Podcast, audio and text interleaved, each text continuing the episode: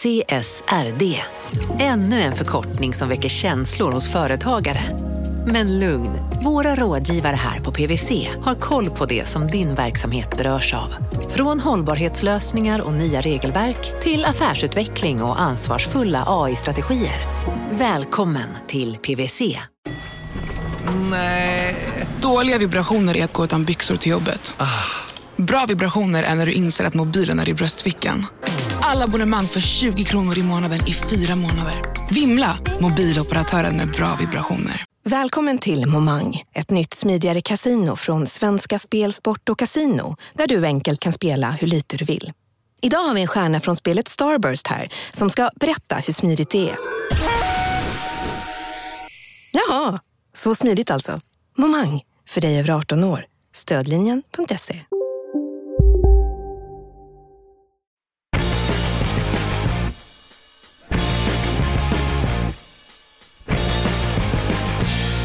Hallå, det här är De kallar oss Kryptopodden som varje torsdag försöker göra det här med kryptovalutor lite mer begripligt och roligt.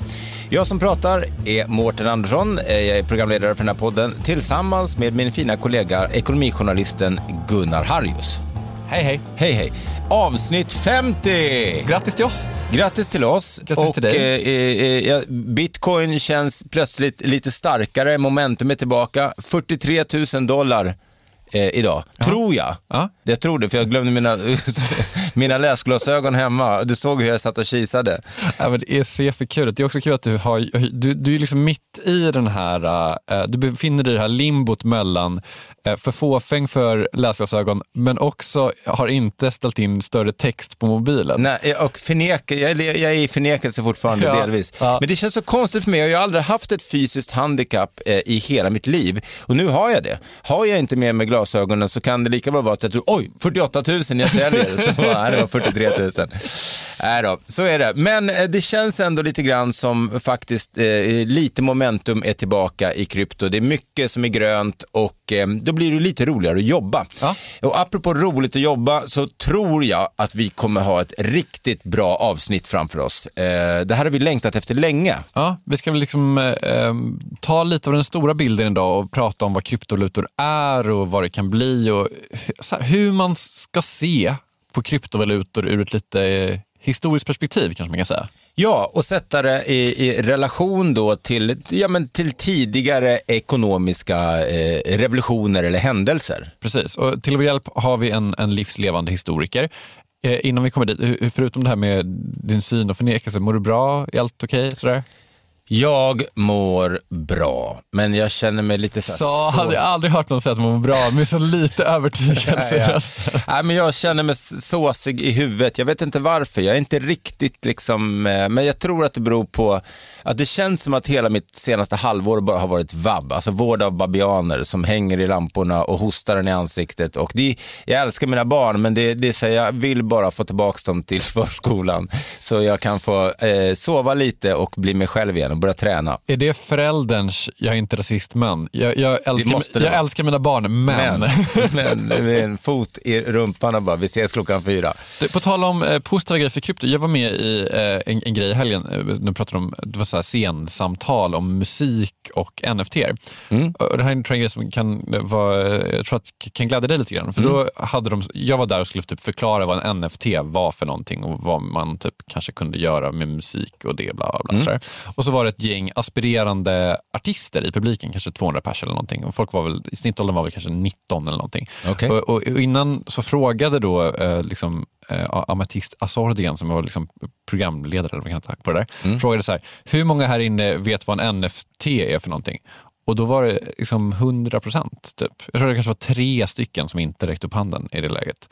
Okej. Och jag tyckte det, det kändes som att det sa någonting om, om liksom hur redan, ja, men och redan hur stor del, och liksom hyfsat naturlig del det här är av kids eh, vardag och sådär. Ja, det glädjer mig personligen måste jag säga att höra den här nyheten därför att jag har haft lite ångest den senaste tiden över mina NFT-köp och fått lite så kalla fötter och känt att jag skulle vilja sälja av en del. Men eh, Alltså, men, det här blir väl ingen garant för att du har gjort äh, dröminvesteringar kanske. Men, nej, det men, kanske det inte är. Men, men jag, jag tror att ju... liksom NFT som fenomen känns, det känns ändå som att okay, det är någonting som kids har fattat. Exakt, och Ja. sen eh, handlar det ju om, jag menar, det kommer komma mängder av grejer på just musikområdet. Eh, det, det kommer ju komma ett, eh, liksom, det är inte långt borta och det är definitivt inte det enda, men eh, självklart ett decentraliserat Spotify med allt vad det innebär och eh, låtar som kommer kunna säljas där artister, precis som med andra NFTs, kommer kunna få eh, pengar på vidareförsäljning. Sen exakt hur det ska gå till om en låt finns, varför man skulle vilja köpa den när, men då är vi tillbaka på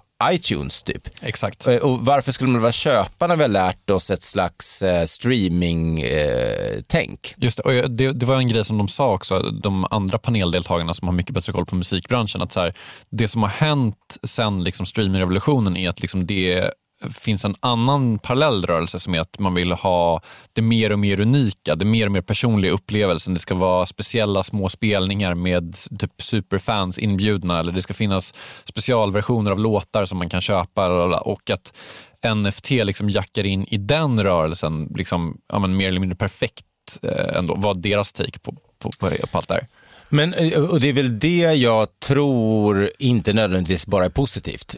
Därför att jag tror att många artister vill ju vara artister. Eh, antingen får de ha ett skivbolag eller så kommer det eh, dyka upp såna här slags PR eller NFT-byråer som hjälper till med typ meet and greet och bla bla bla. För, Jag tror det där redan finns alltså, utan att vi vet om det. Jo, Ja. men det gör det säkert. Men jag tror att det kommer bli ännu större. Om inte artisterna själva ska sitta och svara på olika mejl och att nu kan ni få en timme med mig i chatten med hit och dit. Massa sån skit som artister egentligen inte vill göra. Nej. Eh, Men det blir otroligt spännande att se alltså på allt som har musik, comedy naturligtvis, som jag jobbar med själv. Vad kan man göra för någonting eh, med NFTs? Men som sagt, jag tror att just det här ägandet som ju ändå NFTs handlar om, Antingen dras det mot eh, liksom det här kundklubbs, det låter- eller Åhléns eh, Nej, men jag fattar precis vad du menar. tempo. Ja. Eh, Att det blir ett kundklubbsupplägg på det. Ja. Eller så blir det något artistiskt, eh, liksom någon riktigt snygg grej som är tonsatt med musik också. Men jag menar, om det finns, eh, då, handlar det om hur många av det kommer det finnas eh, för att det ska bli intressant att köpa en sån. Och, eh, och, och finns det inga kommersiella rättigheter som sagt till det, att du bara äger ett verk som faktiskt någon kan titta på någon annanstans. Jag är inte säker på att det är det som är framtiden. Nej, nej, vi får väl se vart, det, vart eh, NFT hamnar i, i musikhistorien. Vi ska prata bitcoin-historia och eh, ekonomisk historia idag, men först kanske lite nyheter då. Ja, eh, lite historia från veckan som har gått helt enkelt. Snyggt. Goldman Sachs blev i måndags första amerikanska storbank att göra en over-the-counter trade med kryptovalutor. Affären beskrivs som en milstolpe för institutionell adoption av krypto.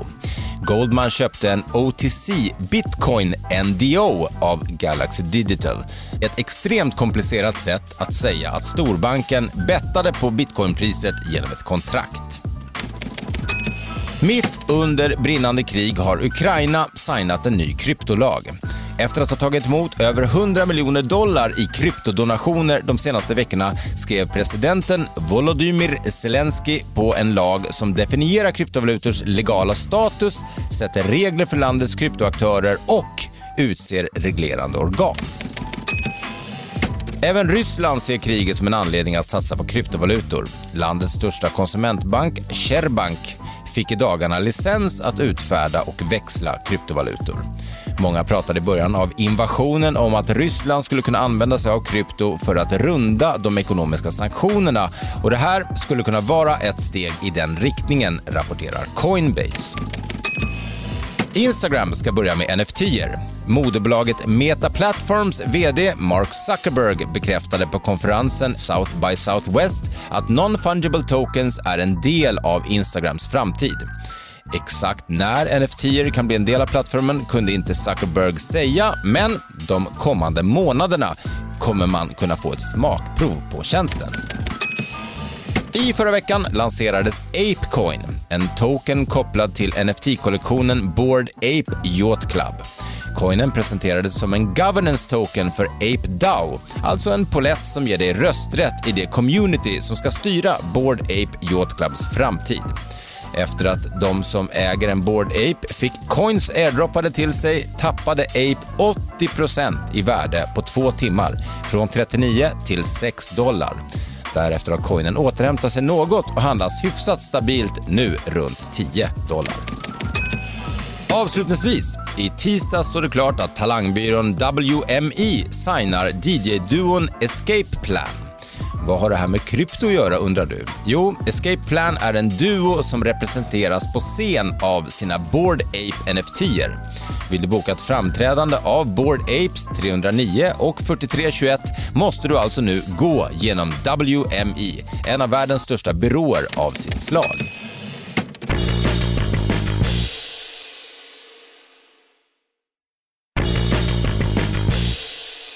Ja du, Alltså, jag fick lite svindel när jag läste det där om eh, den här DJ-duon som är NFT-er. Ja. Eller representeras av det. Jag kände bara, ja, den här framtiden är inte min framtid.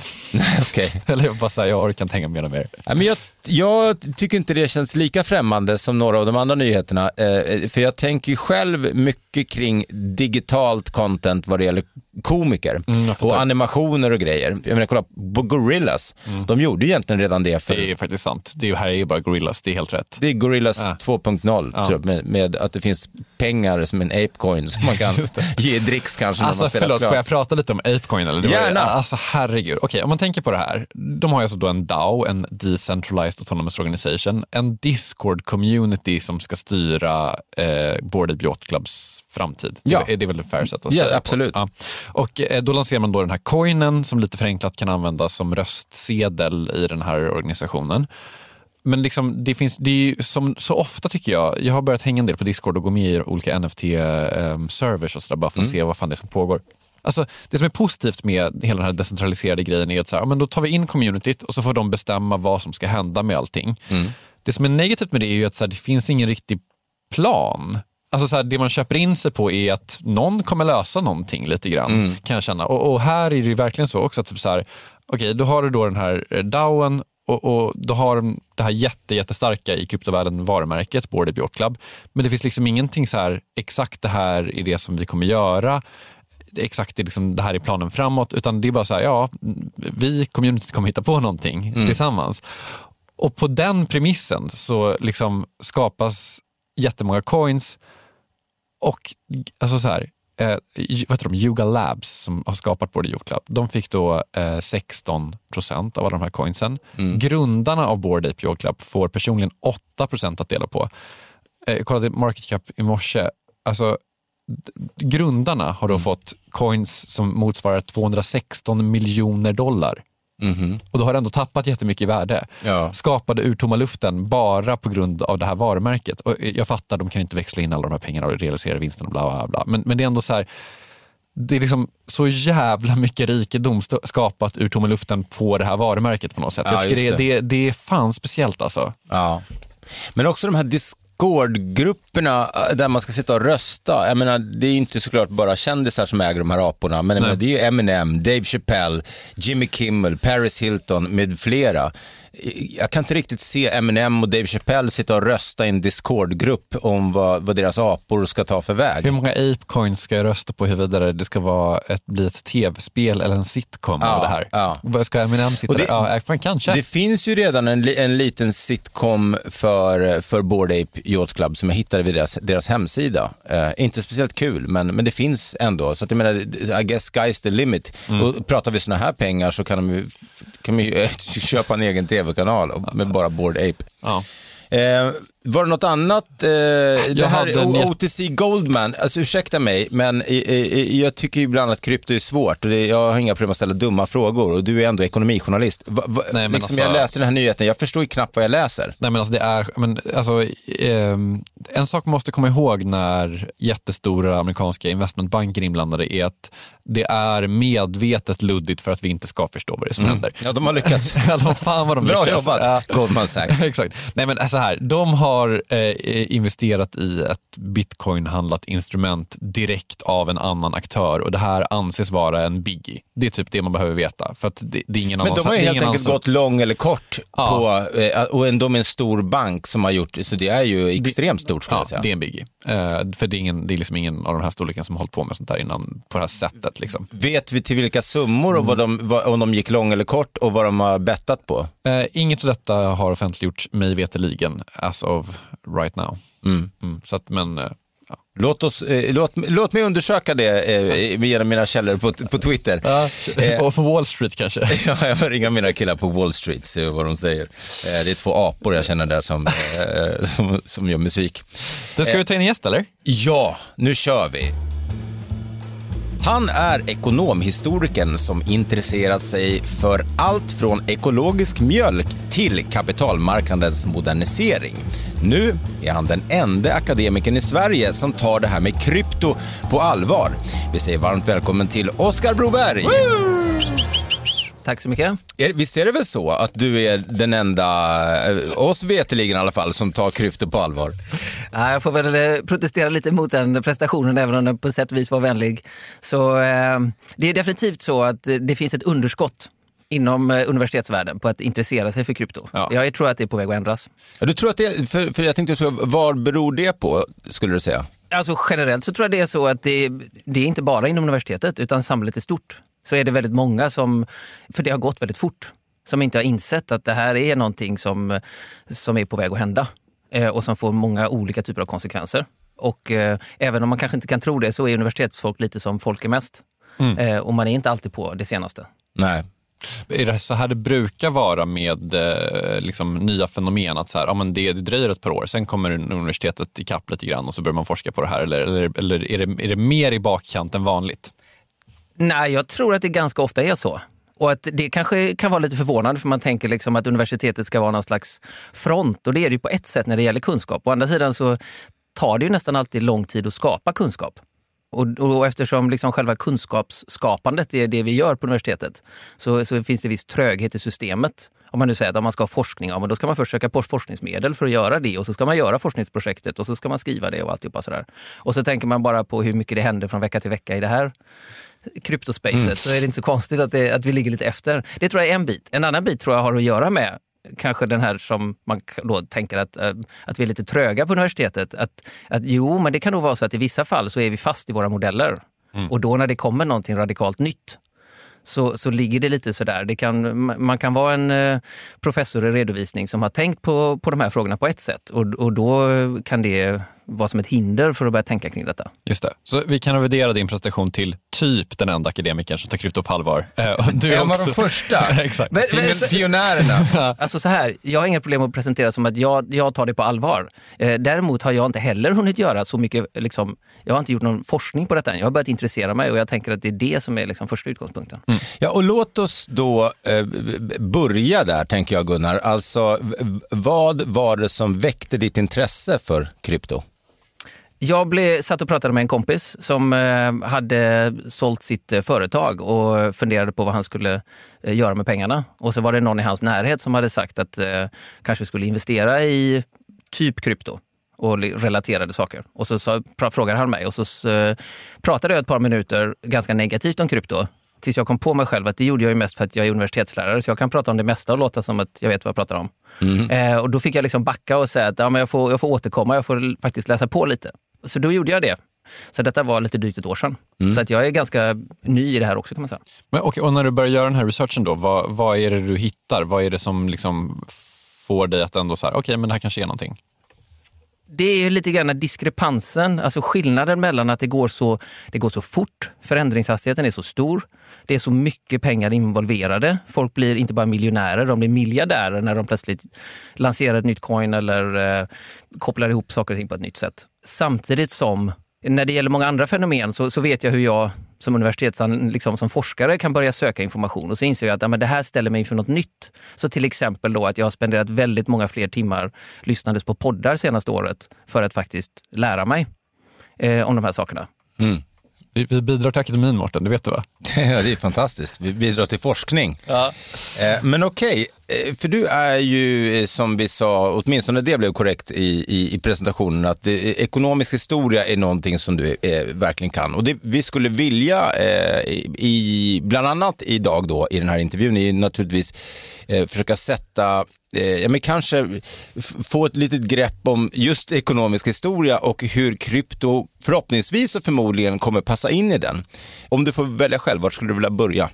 Alltså när det gäller, om man ska, om man ska angripa det från ett historiskt eh, eh, vinkel så finns det ju kan man säga två ingångar. Det ena är ju att man vill lära sig mer om historien om krypto och, och, liksom, och bitcoin till exempel. så. Och den kan, tänker jag, den kan man få reda på på ganska många håll och det, det är liksom på något sätt historien om vad som har hänt under 2000-talet. Eh, det som jag tänker att jag kan bidra med lite mer som, utifrån mitt perspektiv, det är att jag har hållit på med andra saker som går längre tillbaka i historien och där det finns paralleller som kan vara vett, vettiga att göra.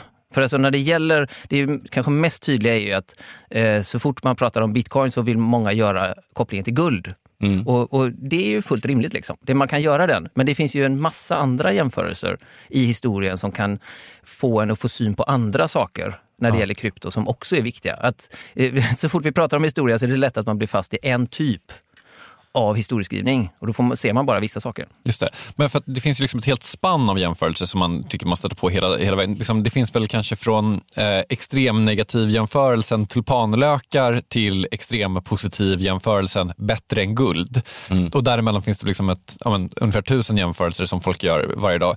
Är det någon av de här som du tycker är bättre än, än någon annan? Jag gillar ju att jämföra det med vete eftersom vete är en eh, konkret produkt som alla, som alla använder och som vi har använt långt tillbaka i vår historia. Men som också i mitten på 1800-talet var en del av liksom revolutionerandet av finansmarknaden. Och, och, det är en historia som många inte känner till, men som ändå är sådär, jag tycker att den är ganska lärorik för att kunna sätta till exempel då eh, krypto i, i perspektiv. Du får hemskt gärna dra den. För jag, du sitter inte på vete. jag sitter inte på vetekunskap. enlighten me please sir. Ja, men mitt, mitten av 1800-talet så liksom är den rikare delen av världen precis på väg att ta liksom det industriella revolutionssprånget. Och då är det klart att ska man få folk att sluta arbeta i jordbruket eh, och börja jobba i fabriker i städerna så är det frågan hur ska de få mat? Och det här är precis perioden när man börjar odla upp mellanvästern i USA och det finns eh, en stor prärie som man kan producera massa vete. Men där bor det inte så mycket folk. Så man behöver frakta veten till exempel till Europa. Och så fort man ska ha storskalig handel så måste man ju ha finansiella transaktioner för att kunna betala och, och liksom värdera risk. och, och sådär. Det är liksom det som finansmarknaderna i grunden gör.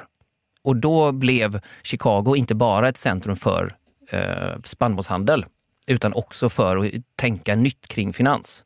Och det hängde också då i sin tur med att för att man ska kunna göra det över stora avstånd så behöver man ha ett informationsmedialandskap som kan klara av det här. Och då fick man telegrafen. Mm. Så att från det att man, har, man hade liksom diligenser som gick i 20 km i timmen och, och red och skulle flyga, så kunde man plötsligt skicka med ljusets hastighet telegrafinformation. Eh, och då, då, var det finansmarknaden som var först på att kunna utnyttja det.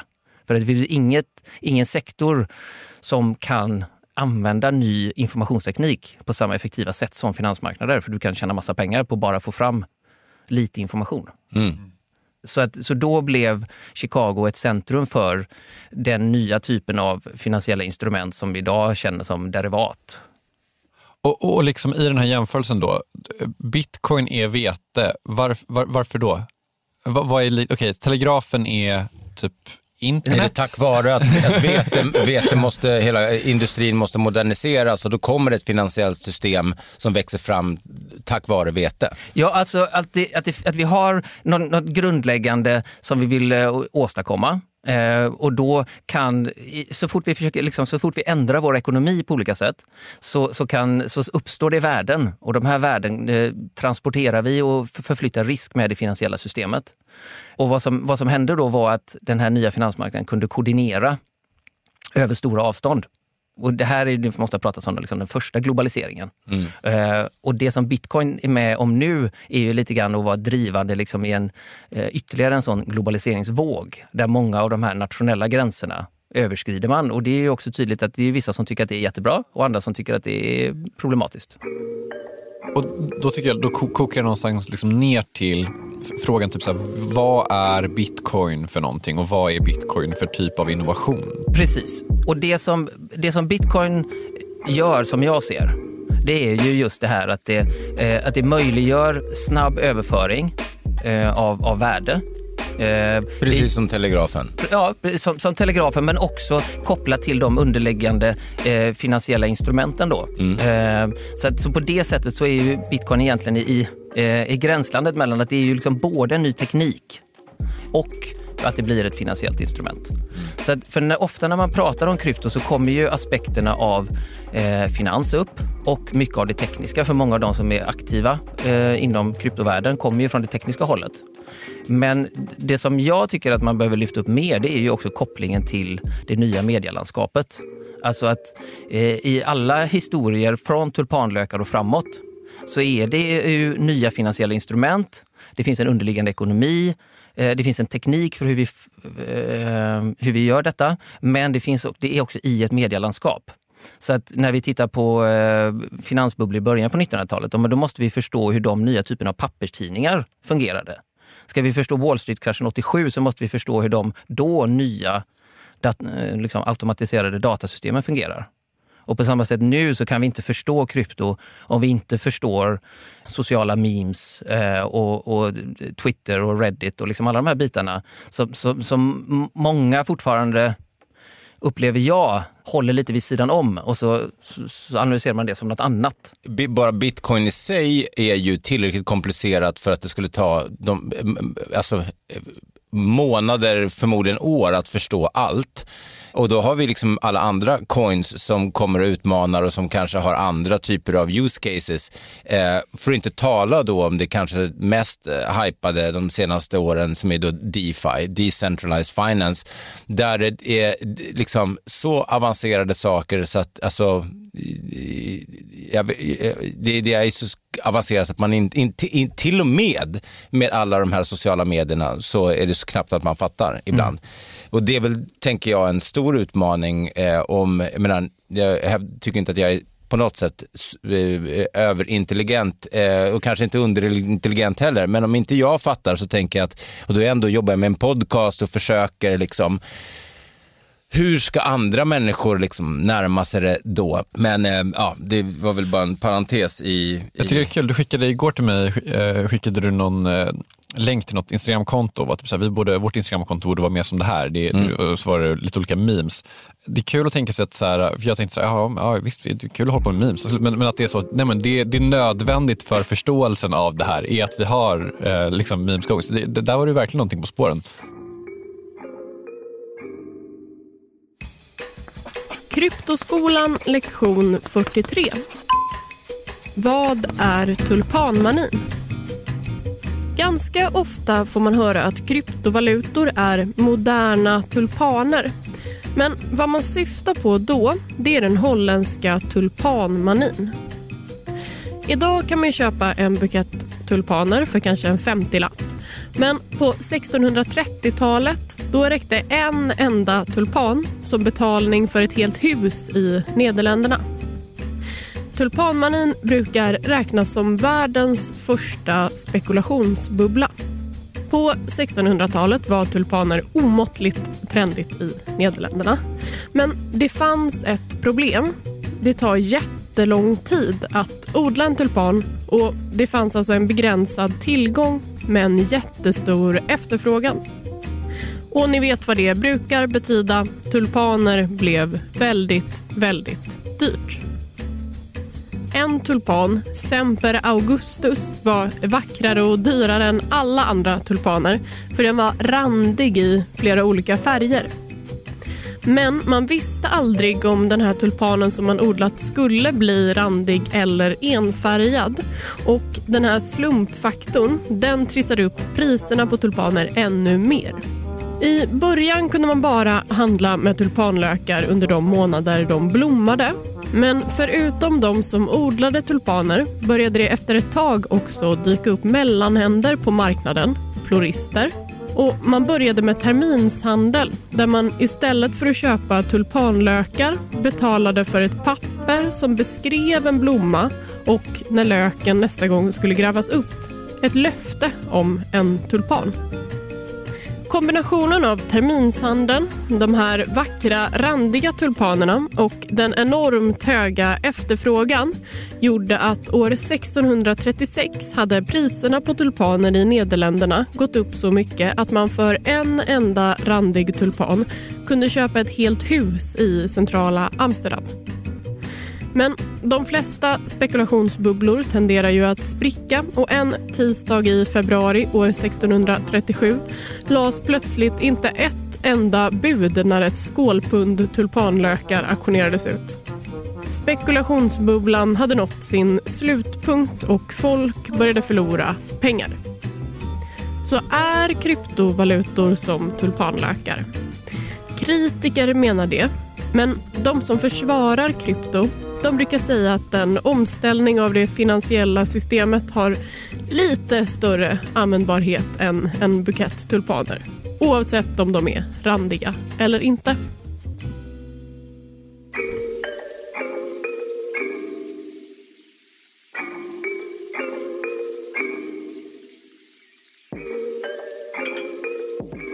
Det finns en bild som jag gillar väldigt mycket, där eh, man då ser någon, jag ska se om jag kan ta fram den, har vi den? Det är den här klassiska evolutionsapan, du vet, liksom en man som långsamt reser sig upp. Eh, och sen Ja, som sen, eh, om vi hoppar över några steg i början där, det, från kanske ädelmetaller och annat tills att det då blir kontanter, tills att det blir kreditkort och sista bilden så har liksom apan eh, rest sig upp ännu mer och har då en telefon med kryptografer. Eh, menade då att liksom, såklart att eh, snart betalar vi med kryptovalutor i våra telefoner och vi kommer inte ha kreditkort och sånt längre. När det gäller, när det gäller krypto som, som pengar, så, eh, så, jag skrev min uppsats en gång, min första uppsats i ekonomisk historia för länge sedan, om, om pengar. Och satt och grunnade på det där. Och det, jag tänker att det finns två huvudspår. Det ena är de som vill, gärna vill ge en väldigt smal definition av pengar, som man verkligen säger att det här är pengar och det här är inte pengar. Eh, man kan till exempel lyssna på eh, Bitcoinpoddens eh, decemberavsnitt när de intervjuade Roger Svensson Eh, och då, det var ju lite grann sådär utifrån att nu ska vi höra en bitcoin-kritikers perspektiv. Och vilka egenskaper måste då en världsvaluta eh, uppfylla? Jo, för det första, den måste finnas i stora volymer så att den kan tillfredsställa internationella handeln. Och då handlar det inte bara om varor och tjänster, utan även finansiella transaktioner. Eh, och det handlar ganska mycket just om, om definitionen på pengar. Mm. Och, och, viljan att, att ge en ganska smal definition av pengar. Eh, eh, jag skulle säga att min, min ingång är, är det omvända. Alltså om man tittar historiskt så är det inte så att, att det finns en evolution att först har vi använt det och sen har vi använt det och sen har vi använt det. Och Det är inte så att vi har gått från byteshandel till kontanter och sen bankpengar och sen slut. Utan de, det har funnits hela tiden parallellt massa olika typer. Och snarast handlar det om att pengar... Jag tycker att det är mycket mera meningsfullt att titta på pengar som något dynamiskt som skapas och som är sociala relationer. Och det tycker jag är viktigt även för de som är engagerade inom krypto att ta till sig. För det, det svingas också ganska vilt i kryptovärlden med en kritik, bitvis ganska befogad kan jag tycka. Eh, men ibland svingas det alldeles för vilt. Där man, där man ser det som att ja, det har varit så mycket dåliga pengar och nu har de perfekta pengarna kommit. Mm. Men att även eh, kryptopengar är sociala pengar. Eh, och man gillar ofta att prata om att, eh, att man då, ja, men då är bitcoin, det är, nu har vi inte skuldpengar längre.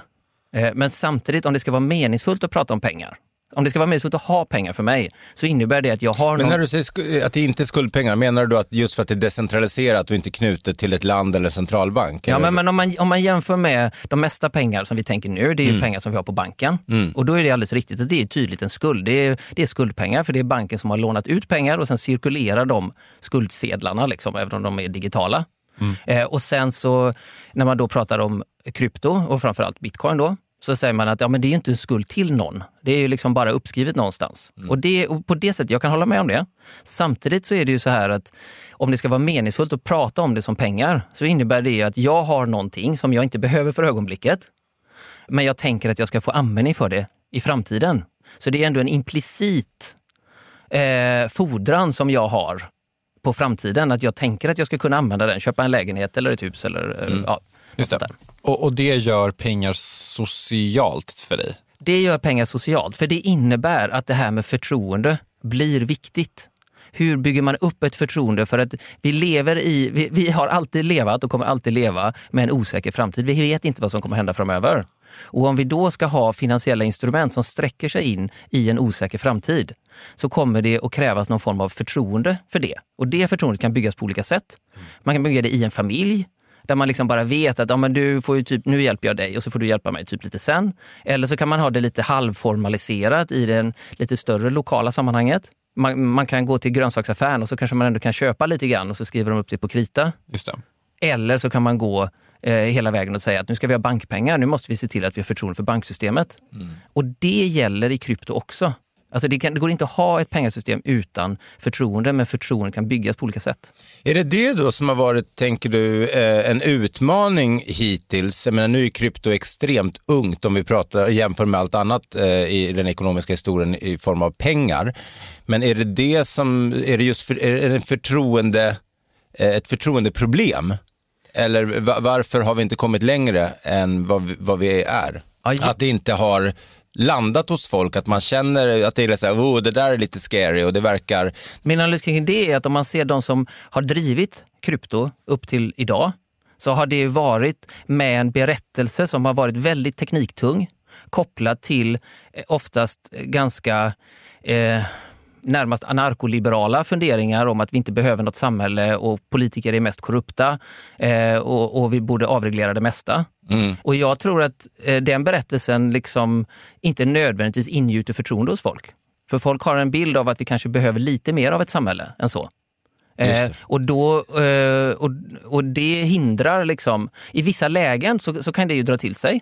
Eh, men, men, på det stora hela, om det ska få en, en, en, liksom en större spridning, så, så tror jag det är en del av det. Man måste kunna visa hur detta är en del av en större samhällelig berättelse. Där den har en plats gentemot, gentemot annat. Det är lite så här, hacker möter ingenjör, möter darknet, möter anarkist berättelse. Ja, varför har inte den spridit mer? varför har inte folk förtroende för det här? Jag, Krossa staten, exakt. häng med mig. Men jag skulle också säga, typ, alltså, om jag, får komma, jag håller helt med om det där. Det här är ju något som vi har pratat om i podden massa gånger förut också. Att typ, så här, ja, men det är klart att, eh, jag tror vi har aldrig formulerat det exakt sådär eh, liksom vältaligt, men, men det är väl lite där vi har, vi har varit också. Typ, så här, men om det här ska kunna slå så måste vi faktiskt tänka på att det finns ett samhälle. Typ. Mm. Men jag, jag kan också typ uppleva att tonen med vilken man har berättat den här berättelsen har varit kanske lite väl okritisk och frälst. Folk pratar om det som att det här vore absoluta självklarheter och det finns inget annat sätt man kan se det här på än den här berättelsen. Och, och jag är tilltalad av berättelsen men jag, jag, tycker att man måste vara jättekritisk till den för annars... För så här... jag, jag tänker att det är som i alla, i alla förändringsprocesser att det kommer någon som vill förändra något och, och, tycker att det, liksom, det som är just nu är liksom, ah, konstigt och dåligt och att de inte fattar att vi kan göra det på det här bättre sättet. Men att man ofta kanske glömmer bort den eda, ö, egna ödmjukheten. Att vad, vad, är det liksom som man vill eh, förändra här och vad, vad, hur låter detta i andras öron? Jag lyssnade på en av de internationella poddar som jag, som jag följer, i Preston Pysch. Eh, och han hade en eh, intervju för någon vecka sedan där på tal om vad man ska jämföra med. Där eh, det jämfördes med the second amendment där jämförelsen alltså blir att bitcoin är som eh, handeldvapen. Och jag tyckte det var superintressant att höra. För han sa ju det som något entydigt positivt. Det finns 40 miljoner eh, vapen utspridda i USA. Det är kanon, för det är det som garanterar, det är, det är decentralisering. Det är det som eh, the founding fathers visste att man skulle skriva in i konstitutionen för att kunna hindra en tyrann från att ta över. Och det säger han ju i en amerikansk kontext. Och i en amerikansk kontext så låter det på ett sätt. När vi europeer lyssnar på det så studsar vi kanske lite mer mm. och tänker att det där är kanske inte sättet att bygga upp en berättelse om varför vi ska ha bitcoin. Att bitcoin är eh, som det som orsakar skolskjutningar. Men... Eh... Och det var, tänker jag då var intressant att det var inte någon bitcoin-kritiker som sa det, utan det var ju, det var ju liksom en som var frälst som, som tog det som ett av starkaste argument för. Lars Knutsson från Gotland. Kanske ett bra tips på att göra trades mellan coins på. Ha det gott!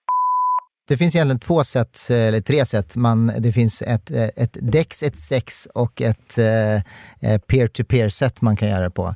alltså local bitcoin. Men eh, eh, SEX eh, är centralized exchange. Du går in på en börs, börs till exempel Coinbase, Kraken och allt därtill och så, så säger du jag vill sälja det här till det här priset och så finns det en tagare på andra sidan.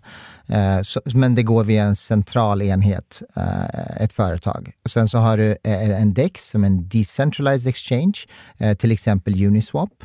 Går in där och så, så handlar du, men du handlar med pooler, du handlar med andra människor som har liksom skapat likviditetspooler för en specifik coin. Du har, ena sidan så har du USD USDT i det här fallet. Å andra sidan har du bitcoin och sen så tradas den via ett smart kontrakt. Och tredje sättet är att jag säger till eh, Mårten, här har du 100 kronor, kan jag få motsvarande i bitcoin? Det är väl egentligen så man gör.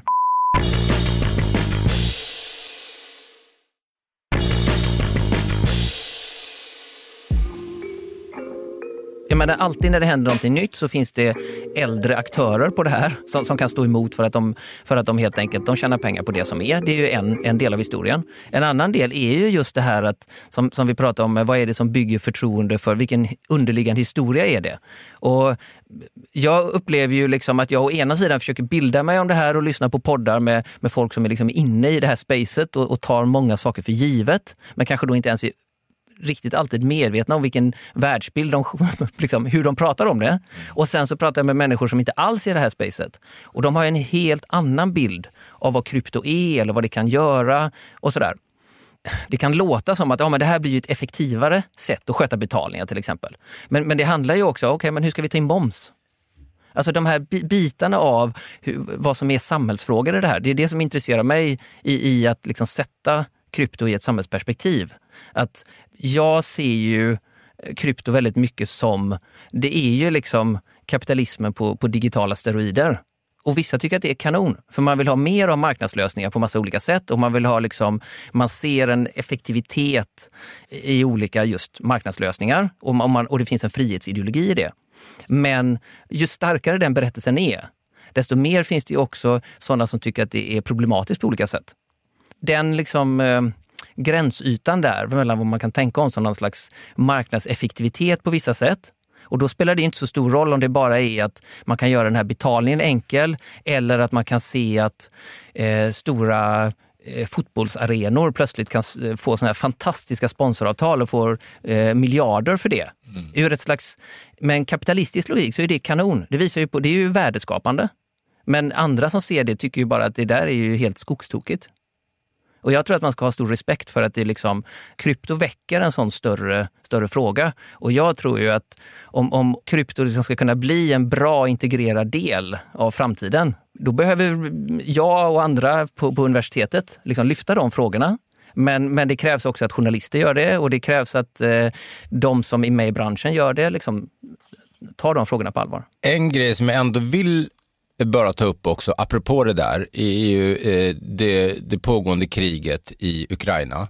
Där ju krypto har visat sig faktiskt fungera när eh, det har kommit mängder av donationer till exempel och så. Eh, och när banker och sånt har smälts igen så har krypto varit öppet om man skulle säga så. Vad, vad visar det på, tycker du? Jag försöker vara ganska försiktig. för att Alltså det är ju en fullständig katastrof det som händer. Och den katastrofen tar sig uttryck hela vägen från hur människor ska försöka överleva för dagen på gatan till vad de här globala sanktionerna av en omfattning som vi inte sett förut, hur de spelar ut. En sak som slår mig när jag försöker liksom få ihop de här trådarna, det är ju att det händer extremt många olika saker på en gång. Så, så folk som har liksom en tydlig analys eh, tror inte jag på. För, att, för det är jättesvårt att veta om, jag menar, det har varit mycket diskussioner, kommer de att kunna göra de här sanktionerna eller kommer man kunna använda krypto för att krypa undan? Eh, är det faktiskt så att de här donationerna kommer hela vägen fram och, och liksom hjälper folk på, på gatan och sådär? Men en sak som jag tror, om, man, om jag ska försöka liksom luta mig lite mot min historiska kunskap, så är det ju att kriser ofta i historien blir liksom vägskäl återigen, om vi går tillbaks till de här derivaten. Och där var det ju eh, krisen 87, alltså den stora finanskrisen som eh, briserade i New York 87. Den liksom, eh, blev ju det stora vägskälet för de här derivatinstrumenten. För först tänkte man att ah, men det här kommer ju, det är de mest spekulativa instrumenten, de kommer ju ryka all världens väg. Men de överlevde ju det och tvärtom så visade det som att det var när, när det fluktuerade så mycket, eh, då var ju riskerna som störst och då var det det här som var riskhanteringsinstrumenten. Så att kriser sätter allting på sin spets någonstans? Liksom.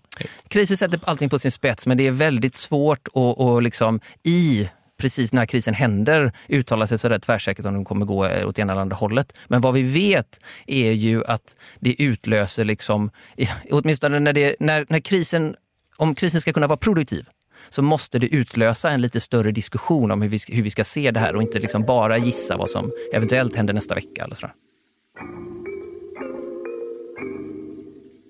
Vi ska släppa det alldeles strax Oskar, men jag har en sista grej som jag skulle vilja fråga dig om. Eh, och, och, det är faktiskt att gå tillbaka till, till där vi, typ där vi började, som var eh, den här jämförelsen. Vad, vad är det man ska jämföra med? Och det, um, Eh, tulpanlökar är ju en sån återkommande eh, sak man slänger på krypto för att det inte har ett eh, liksom, underliggande värde i form av en, en typ hårdmetall eller ett förtroende från en nationalstat.